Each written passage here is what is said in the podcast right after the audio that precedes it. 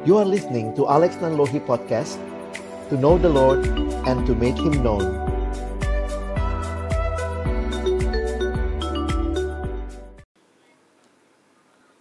Mari kita berdoa sebelum membaca merenungkan firman-Nya.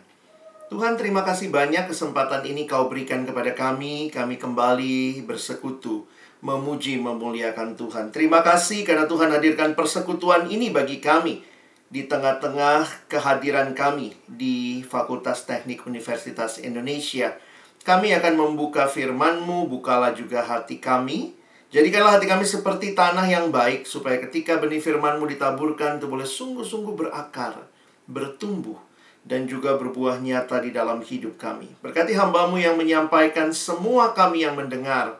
Berkati perangkat jaringan yang kami gunakan kiranya menolong kami memahami dan meresponi firmanmu di dalam hidup kami. Kami bersyukur menyerahkan firmanmu ketika diberitakan siang hari ini dalam nama Yesus kami berdoa. Amin. Shalom teman-teman, selamat siang. Saya boleh share screen? Kita bersyukur kalau melihat cara Tuhan yang indah memimpin teman-teman boleh tiba secara khusus angkatan baru ada di Teknik UI ya. Dan kehadiran persekutuan oikumene ini menjadi alat kasih karunia Tuhan di tengah-tengah kita menjalani proses perkuliahan. Teman-teman, tema kita siang hari ini adalah sovereign love. Waktu saya merenungkan dua istilah ini, sering kali tanpa sadar kalau kita mendengar istilah sovereign, kita bicara kedaulatan dan mungkin kita berpikir itu adalah hak kuasa penuh. Tapi kemudian di sisi lain banyak orang yang berpikir bahwa yang punya kedaulatan kuasa penuh itu adalah seorang yang sewenang-wenang. Tetapi hari ini kita melihat bahwa ketika kita berbicara sovereign, dia berdaulat, dia juga adalah kasih adanya. Dan itulah yang akan kita lihat di dalam pribadi Allah yang kita sembah. Allah yang berdaulat, tetapi dia bukan Allah yang sewenang-wenang. Tetapi dia Allah yang berdaulat di dalam kasih bagi kita anak-anaknya.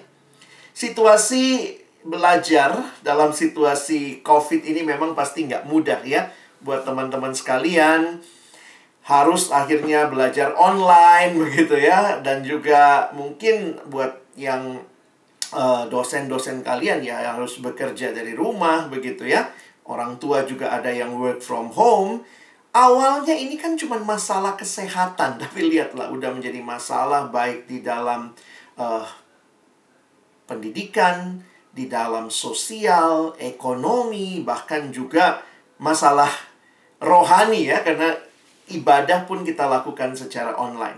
Nah, teman-teman, uh, so, uh, siang hari ini Abang ingin mulai juga dengan menyapa kalian. Selamat datang tentunya buat teman-teman yang baru di POFTUI. Tapi bolehkah saya minta kita sharing sebentar dengan singkat saja. Teman-teman, uh, Abang ingin tanya, apa kabarmu? ya? Nah, saya nggak tahu. Setiap orang pasti beda. Nah, gimana kabarnya? Coba nanti jawab di kolom chat, tapi perhatikan aja gambar yang muncul ini ya. Coba pilih nomor berapa yang paling menggambarkan kondisimu saat ini. Teman-teman, untuk membahas tema kita pada siang hari ini, Abang ingin mengajak kita melihat kitab Yunus. Nanti kita akan lihat beberapa bagian, tetapi saya akan berfokus kepada ayat-ayatnya kita baca dari Yunus pasal yang kedua kita akan membaca ayat pertama sampai dengan ayat yang ke-10 ya. Mari kita akan membaca ayat ini. Saya akan bacakan bagi kita. Saya sudah tuliskan semua ayatnya di screen sehingga teman-teman tidak usah bolak-balik ya. Silahkan perhatikan screennya. Berdoalah Yunus kepada Tuhan Allahnya dari dalam perut ikan itu. Katanya, dalam kesusahanku aku berseru kepada Tuhan dan ia menjawab aku. Dari tengah-tengah dunia orang mati aku berteriak dan kau dengarkan suaraku. Telah kau lemparkan aku ke tempat yang dalam, ke pusat lautan. Lalu aku terangkum oleh arus air. Serta segala gelora dan gelombangmu melingkupi aku. Dan aku berkata, telah terusir aku dari hadapanmu. Mungkinkah aku memandang lagi baitmu yang kudus? Segala air telah mengepung aku, mengancam nyawaku. Samudra raya merangkum aku, lumut lautan membelit kepalaku di dasar gunung-gunung. Aku tenggelam ke dasar bumi, pintunya terpalang di belakangku untuk selama-lamanya. Ketika itu, itulah engkau menaikkan nyawaku dari dalam liang kubur, ya Tuhan Allahku. Ketika jiwaku letih lesu di dalam aku, teringatlah aku kepada Tuhan dan sampailah doaku kepadamu ke dalam baitmu yang kudus. Mereka yang berpegang teguh pada berhala kesia-siaan, mereka lah yang meninggalkan dia yang mengasihi mereka dengan setia. Nah, perhatikan ayat 9, saya pikir ini bagian yang menarik untuk kita perhatikan, nanti saya akan expose juga. Tetapi aku, dengan ucapan syukur, akan kupersembahkan korban kepadamu, apa yang kunasarkan akan kubayar, keselamatan adalah dari Tuhan. Lalu berfirmanlah Tuhan kepada ikan itu, dan ikan itu pun memuntahkan Yunus ke darat. Teman-teman yang dikasihi Tuhan, tentunya kisah Yunus bukan kisah yang asing bagi kita, karena secara khusus sejak sekolah minggu kita biasanya sudah mendengar akan kisah ini. Tentunya juga banyak film kartun anak-anak yang mendistorsi pemahaman kita seolah-olah nanti Yunus di dalam perut ikan ya bisa masak-masak, bisa duduk-duduk nongkrong begitu ya. Tidaklah demikian tentunya. Perhatikan apa yang terjadi di dalam perut ikan ya pasti nggak mudah. Seperti yang Yunus sharingkan. Coba lihat tadi ayat 5 ya. Dia mengatakan, air mengepung aku. Ya iya, di dalam perut ikan itu nyawa sangat terancam. Lalu lumut lautan itu membelit kepalanya. Jadi bukan situasi yang nyaman. Jadi jangan kalian bayangkan Yunus menulis doa ini dari dalam dari dalam uh, perut ikan, dia ambil pulpen, dia catat gitu ya. Kalau kita nonton Pinocchio-nya kayak begitu ya. Tapi sebenarnya ini adalah sebuah situasi yang tidak mudah. Saya mengajak kita memperhatikan bagaimana dalam situasi yang paling sulit sebenarnya. Ini adalah situasi yang Yunus hadapi, maka Yunus mengingat Tuhan. Dan Siapa Tuhan yang dia kenal? Siapa Tuhan yang dia ingat? Makanya kalau perhatikan, doa ini doa apa? Dari dalam perut ikan, perhatikan ayat 9, saya harus katakan bahwa ini adalah sebuah doa ucapan syukur. Karena dari pergumulan yang berat yang Yunus lewati, saya pikir di dalam perut ikan itu juga Yunus terus merefleksikan apa yang terjadi pada dirinya. Apa yang terjadi pada Yunus? Saya pikir kita harus lihat kembali ya. Bagaimana Tuhan memanggil Yunus, tapi Yunus lari dari hadapan Tuhan. Itu di pasal 1. Coba kita lihat sebentar ya.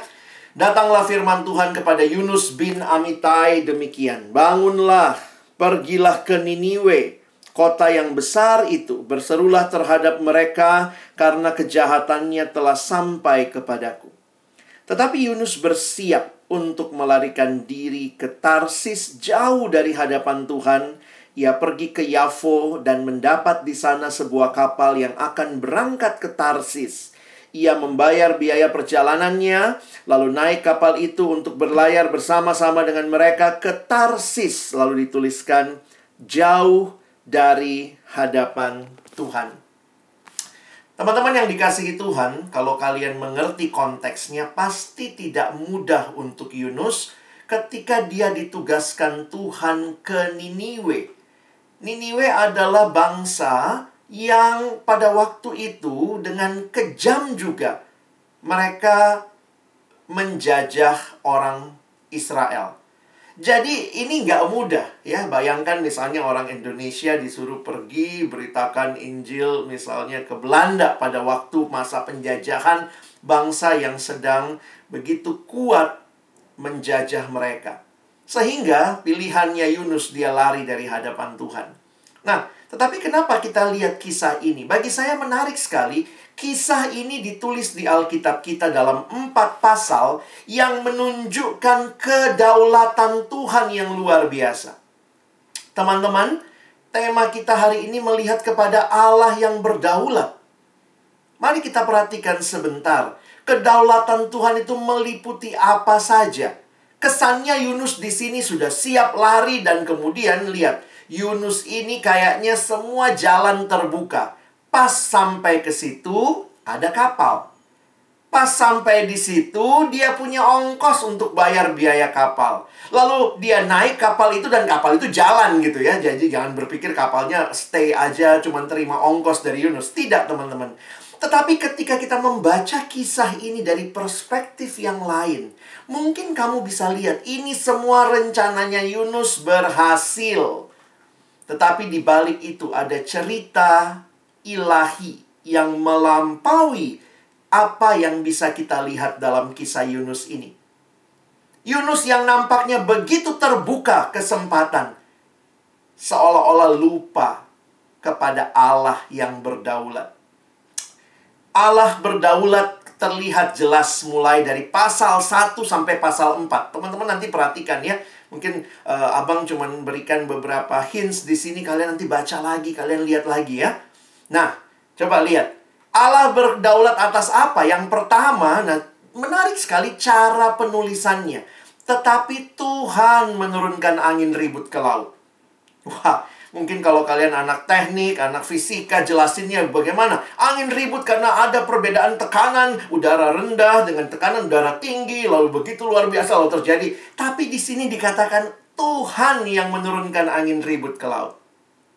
Terjadilah badai besar sehingga kapal itu hampir-hampir terpukul, hancur. Nanti kalian lihat lagi ketika sudah terjadi semua itu, Tuhan bukan hanya berkuasa atas angin, atas alam. Perhatikan ayat 17. Maka atas penentuan Tuhan datanglah seekor ikan besar yang menelan Yunus.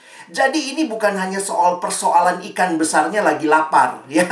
Tetapi di balik mungkin memang lagi lapar, dia buka mulut masuk deh Yunus ya. Tetapi perhatikan di balik kisah ini ada tangan Allah yang bekerja. Saya tidak tahu bagaimana kalian menghayati kalian sampai ke teknik UI. Lulus SIMAK, lulus apa jalur undangan, SBMPTN. Wah, kenapa kalian sampai di sini? Ceritamu bisa macam-macam. Oh, Tuhan buka jalan, papa mama punya ongkos gitu ya. But still God is in control. Baik kita sadar ataupun kita tidak sadar bahwa kisah kita sedang berada di dalam kisah yang lebih besar, yaitu kisahnya Allah. Karena itu kalau kalian perhatikan di dalam situasi sulit ini Yunus ingat Tuhan. Nah, di sinilah kita lihat tadi yang kita baca ya. Dan perhatikan kalau kalian lihat kalimat-kalimat Yunus, sebenarnya kalimat yang mau mengatakan apa? Aku ini nggak ada apa-apanya Tuhan engkaulah segalanya. Yunus mengakui Allah itu berdaulat. Kadang-kadang kita sulit percaya itu ya. Apalagi kalau kita rasa saya cukup bisa, saya mampu, saya sanggup. Sehingga akhirnya berulang kali saya pikir kegagalan manusia adalah merasa dirinya segala-galanya. Di dalam situasi, ini situasi kematian sebenarnya ya atau menghadapi kematian. Lihat isi doanya.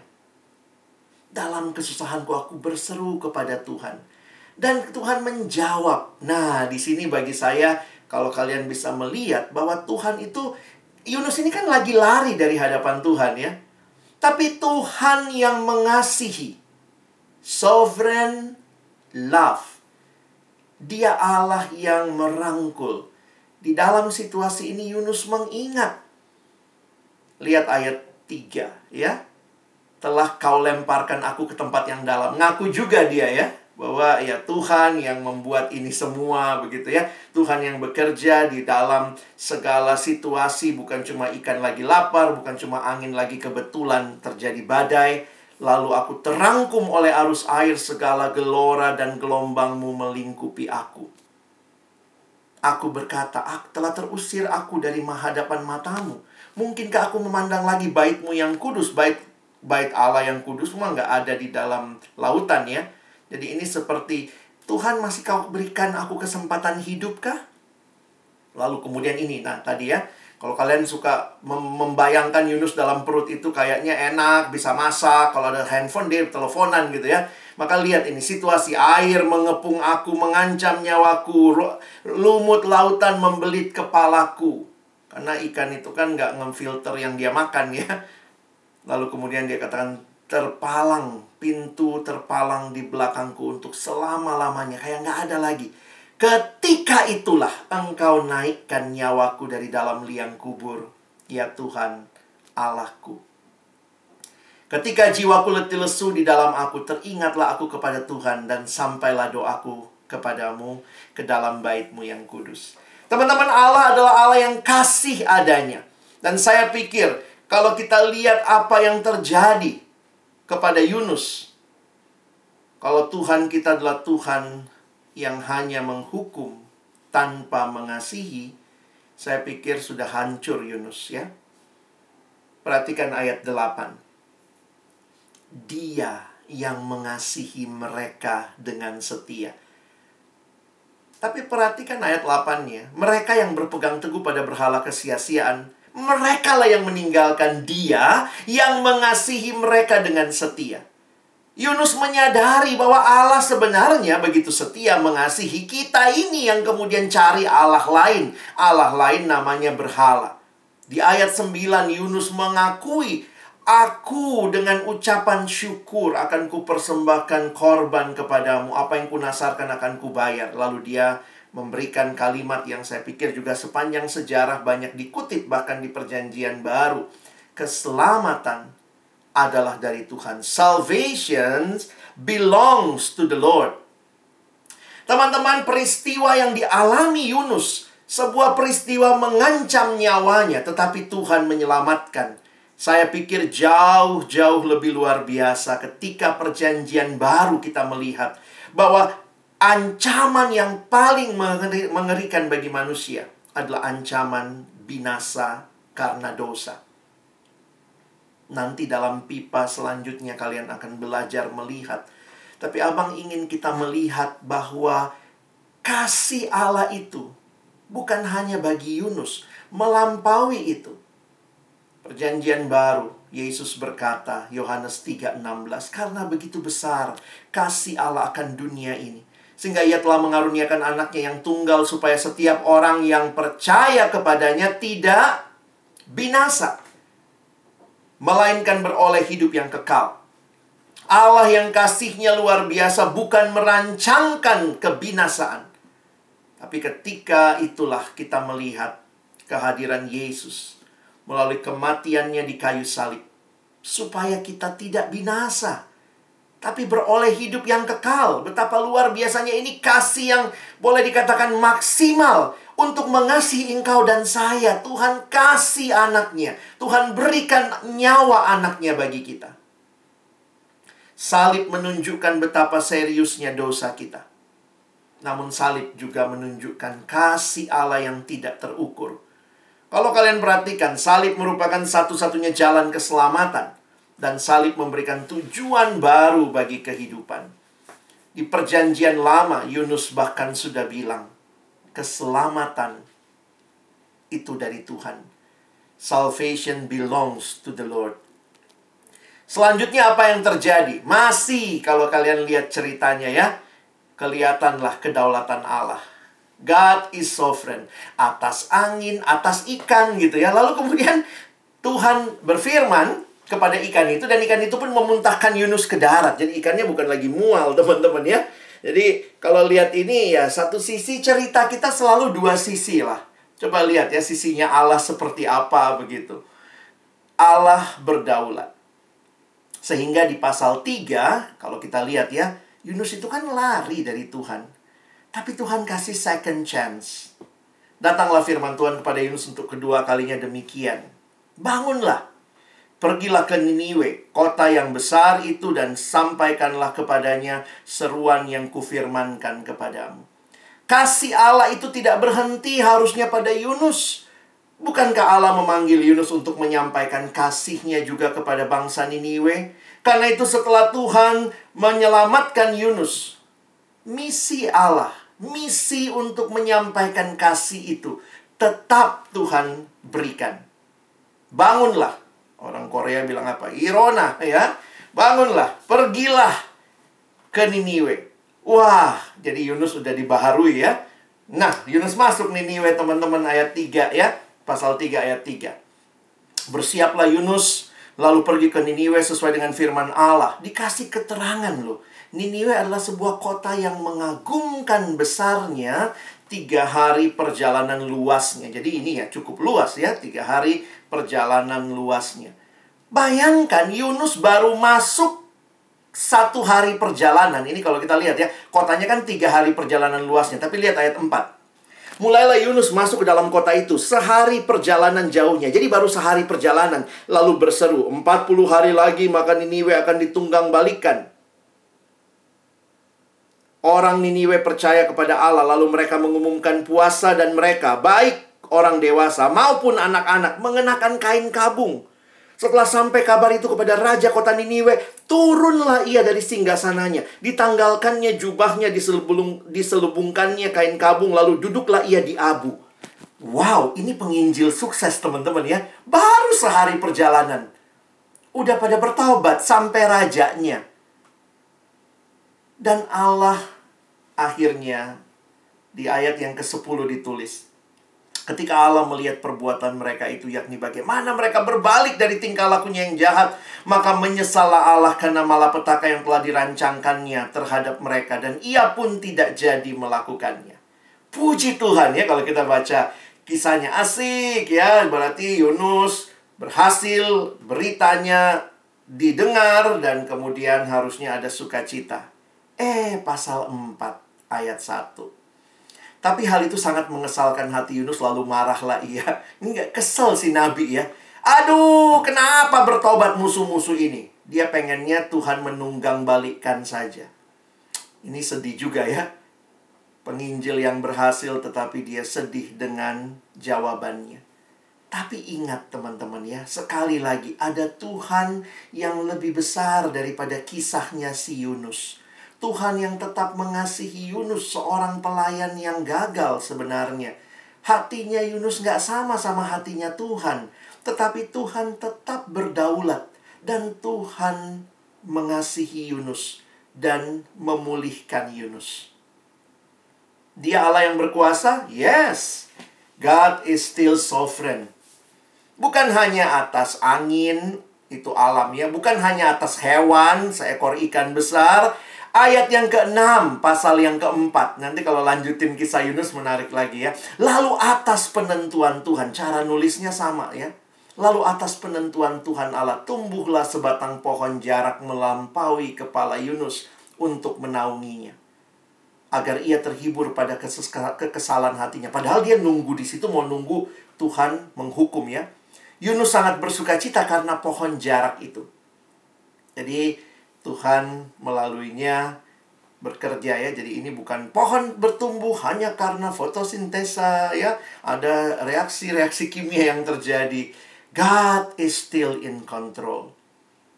Lalu berikutnya, ayat yang ketujuh. Tetapi keesokan harinya ketika Fajar menyingsing atas penentuan Allah, datanglah seekor ulat. Wow, Tuhan kita Tuhan yang bahkan begitu besar, luar biasa, tapi begitu detail karyanya seekor ulat yang menggerek pohon jarak itu sehingga layu.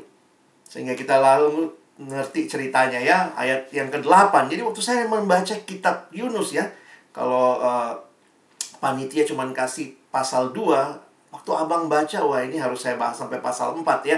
Segera sesudah matahari terbit, atas penentuan Allah, bertiuplah angin timur yang panas terik. Sehingga sinar matahari menyakiti kepala Yunus Lalu rebahlah ia lesu dan berharap supaya mati katanya. Lebih baik aku mati daripada hidup. Kita tidak tahu karena kitab Yunus berakhir tanpa kejelasan apakah Yunusnya berubah atau tidak. Tetapi para penafsir ada yang mengatakan Yunusnya tentunya berubah ya. Kenapa? Dia tulis kisahnya. Walaupun dia tidak tulis lalu aku kemudian datang dan bersyukur kepada Allah, tapi sebenarnya dengan adanya kitab Yunus di Alkitab kita menunjukkan pemulihan juga bukan hanya terjadi atas Niniwe, nampaknya juga kepada sang nabi yang pemarah ini. Ketika dia menuliskan kisahnya, dia sedang menuliskan Allah yang sovereign love. Refleksi bagi kita. Bagaimana kisahmu? Mungkin kamu bilang, wah saya nggak kayak Yunus bang, saya masuk sini baik-baik. Saya ini nggak lagi nggak lari dari panggilan Tuhan. Ini kampus yang saya idam-idamkan. Ini jurusan yang saya idam-idamkan. Atau ada juga yang bilang, aduh bang, ini pilihan kedua, ITB sih awalnya, gitu ya. Kadang-kadang kita suka gitu ya, aduh, teknik UI dapetnya Depok lagi, Depok lagi. Abang tidak tahu apa yang menjadi pemikiranmu saat ini dan bagaimana engkau memaknai kisahmu sampai engkau ada di kampus ini. Tapi izinkan saya sebagai hamba Tuhan melalui kisah Yunus mengingatkan engkau bahwa ini semua terjadi tidak lepas dari karya Tuhan yang membimbingmu sampai di sini. Tuhan yang mengasihi di kampus ini ada POFT, salah satu PO tertua di Indonesia, ya. Kalau kita bersyukur ada persekutuan POFT ini yang Tuhan pakai di masa lalu juga banyak merintis PO-PO yang lain di UI, Persekutuan Oikumene. Saya menghayati bahwa sering kali mungkin tidak semua yang kita mau Tuhan lakukan. Tetapi di balik itu semua, lihatlah tangan kasihnya yang sedang membimbing dan menuntun engkau. Mari bingkai kisah hidupmu dengan percaya bahwa ada Allah yang ceritanya sedang dia rangkai bagi hidupmu. Teman-teman dalam satu survei ada ketakutan yang dimiliki orang muda. Survei itu mencoba mendaftarkan tiga ketakutan teratas yang dimiliki orang-orang muda. Yang pertama itu katanya takut gagal. Eh, takut gagal. Takut masa depan. Fear of the future. Aduh Tuhan, bagaimana ini ke depan ya? Kadang-kadang bicaranya ada Tuhannya juga. Aduh Tuhan, tapi ya kemudian mulai ragu hatinya, mulai gelisah. Saya nggak tahu. Situasi online ini kan bagi teman-teman pasti nggak mudah kampus itu sistem belajarnya baru, masuk-masuk semua online. Kalian mungkin juga takut ke depan gimana? Gimana saya adaptasi? Saya orangnya kalau nggak ketemu orang lain kayaknya susah belajarnya begitu ya. Saya nggak tahu masa depan seperti apa. Tapi ingatlah, siapa yang memegang masa depanmu? Nah ini ketakutan pertama. Ketakutan kedua, takut gagal.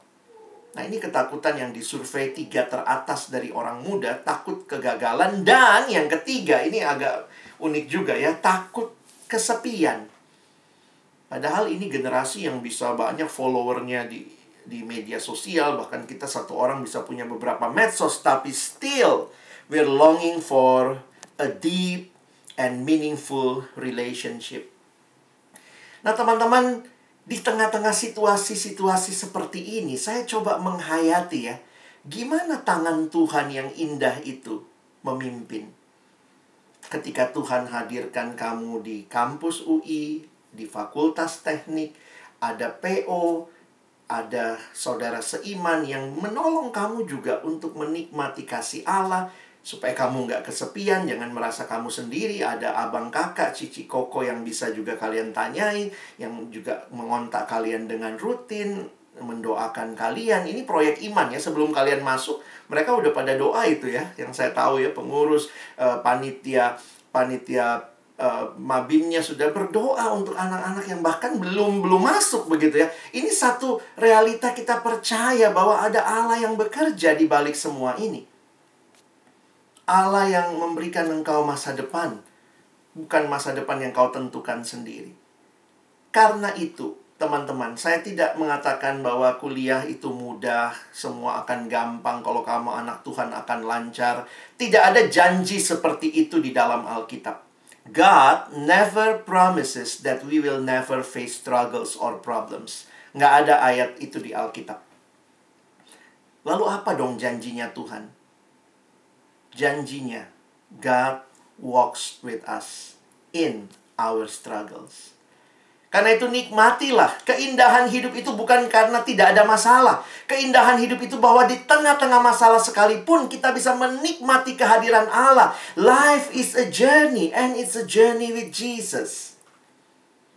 Sehingga buat kita yang saat ini dibawa Tuhan masuk ke kampus, kita siang hari ini merenungkan the sovereign love of God.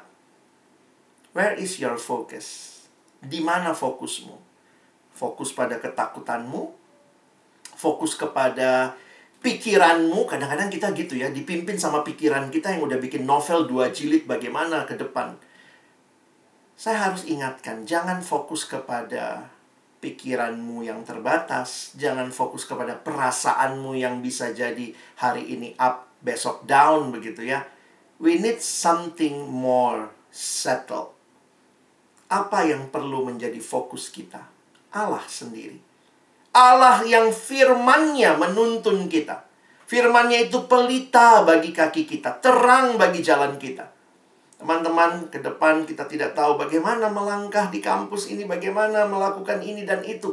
Pegang firman Tuhan. Dan nikmati juga komunitas yang Tuhan berikan ya. Paling tidak kita punya PO, FTUI. Ada kelompok-kelompok yang dibentuk juga supaya kalian bertumbuh berfokus kepada Tuhan, nikmati itu. Amsal 3 ayat 5 dan 6 berkata, Percayalah kepada Tuhan dengan segenap hatimu dan janganlah bersandar kepada pengertianmu sendiri. Akuilah dia dalam segala lakumu, maka ia akan meluruskan jalanmu. Ini keyakinan kita.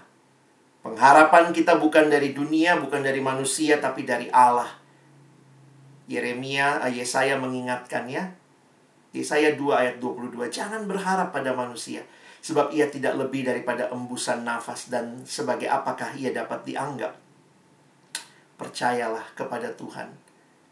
Dan kalau kamu takut akan masa depan, dengarlah janji Tuhan yang menutup khotbah siang hari ini. Amsal 23 ayat 17. Janganlah hatimu iri kepada orang-orang yang berdosa, tetapi takutlah akan Tuhan senantiasa. Karena masa depan sungguh ada, dan harapanmu tidak akan hilang. Teman-teman, takutlah akan Tuhan senantiasa. Karena dia berdaulat, serahkan dirimu padanya. Karena dia mengasihi, percayalah akan kasihnya. Dia menuntunmu menjalani hari-hari hidupmu ke depan. Welcome, selamat datang di POFTUI dan percayalah the sovereign love of God will be with you. Amin. Mari berdoa. Tuhan terima kasih karena mengawali langkah-langkah kami ke depan. Firman-Mu meneguhkan kami. Bahkan dalam hidup Yunus, yang nampaknya begitu kacau karena dia lari dari Tuhan. Tapi kehadiranmu yang terus menjangkau anakmu, mengasihi dia, kedaulatan Tuhan yang bekerja dalam situasi-situasi yang terlihat begitu natural, mengingatkan kami juga. Kami tidak sedang lari, kami ada di kampus ini karena Tuhan sendiri yang membawa kami sampai sejauh ini. Tolong kami memandang kepadamu, berfokus kepadamu, menikmati engkau, berjalan dalam tuntunan firmanmu, menikmati kehadiran saudara-saudara seiman kami, agar kiranya hidup kami ke depan terus menjadi hidup yang dipimpin oleh Tuhan. Hamba menyerahkan adik-adikku ini secara khusus angkatan baru, agar kiranya sekali lagi mereka percaya bahwa masa depan mereka ada di dalam Tuhan. Kami bersyukur, berterima kasih. Tolong kami bukan cuma jadi pendengar firman. Mampukan kami jadi pelaku-pelaku firman. Dalam nama Yesus kami berdoa. Amin.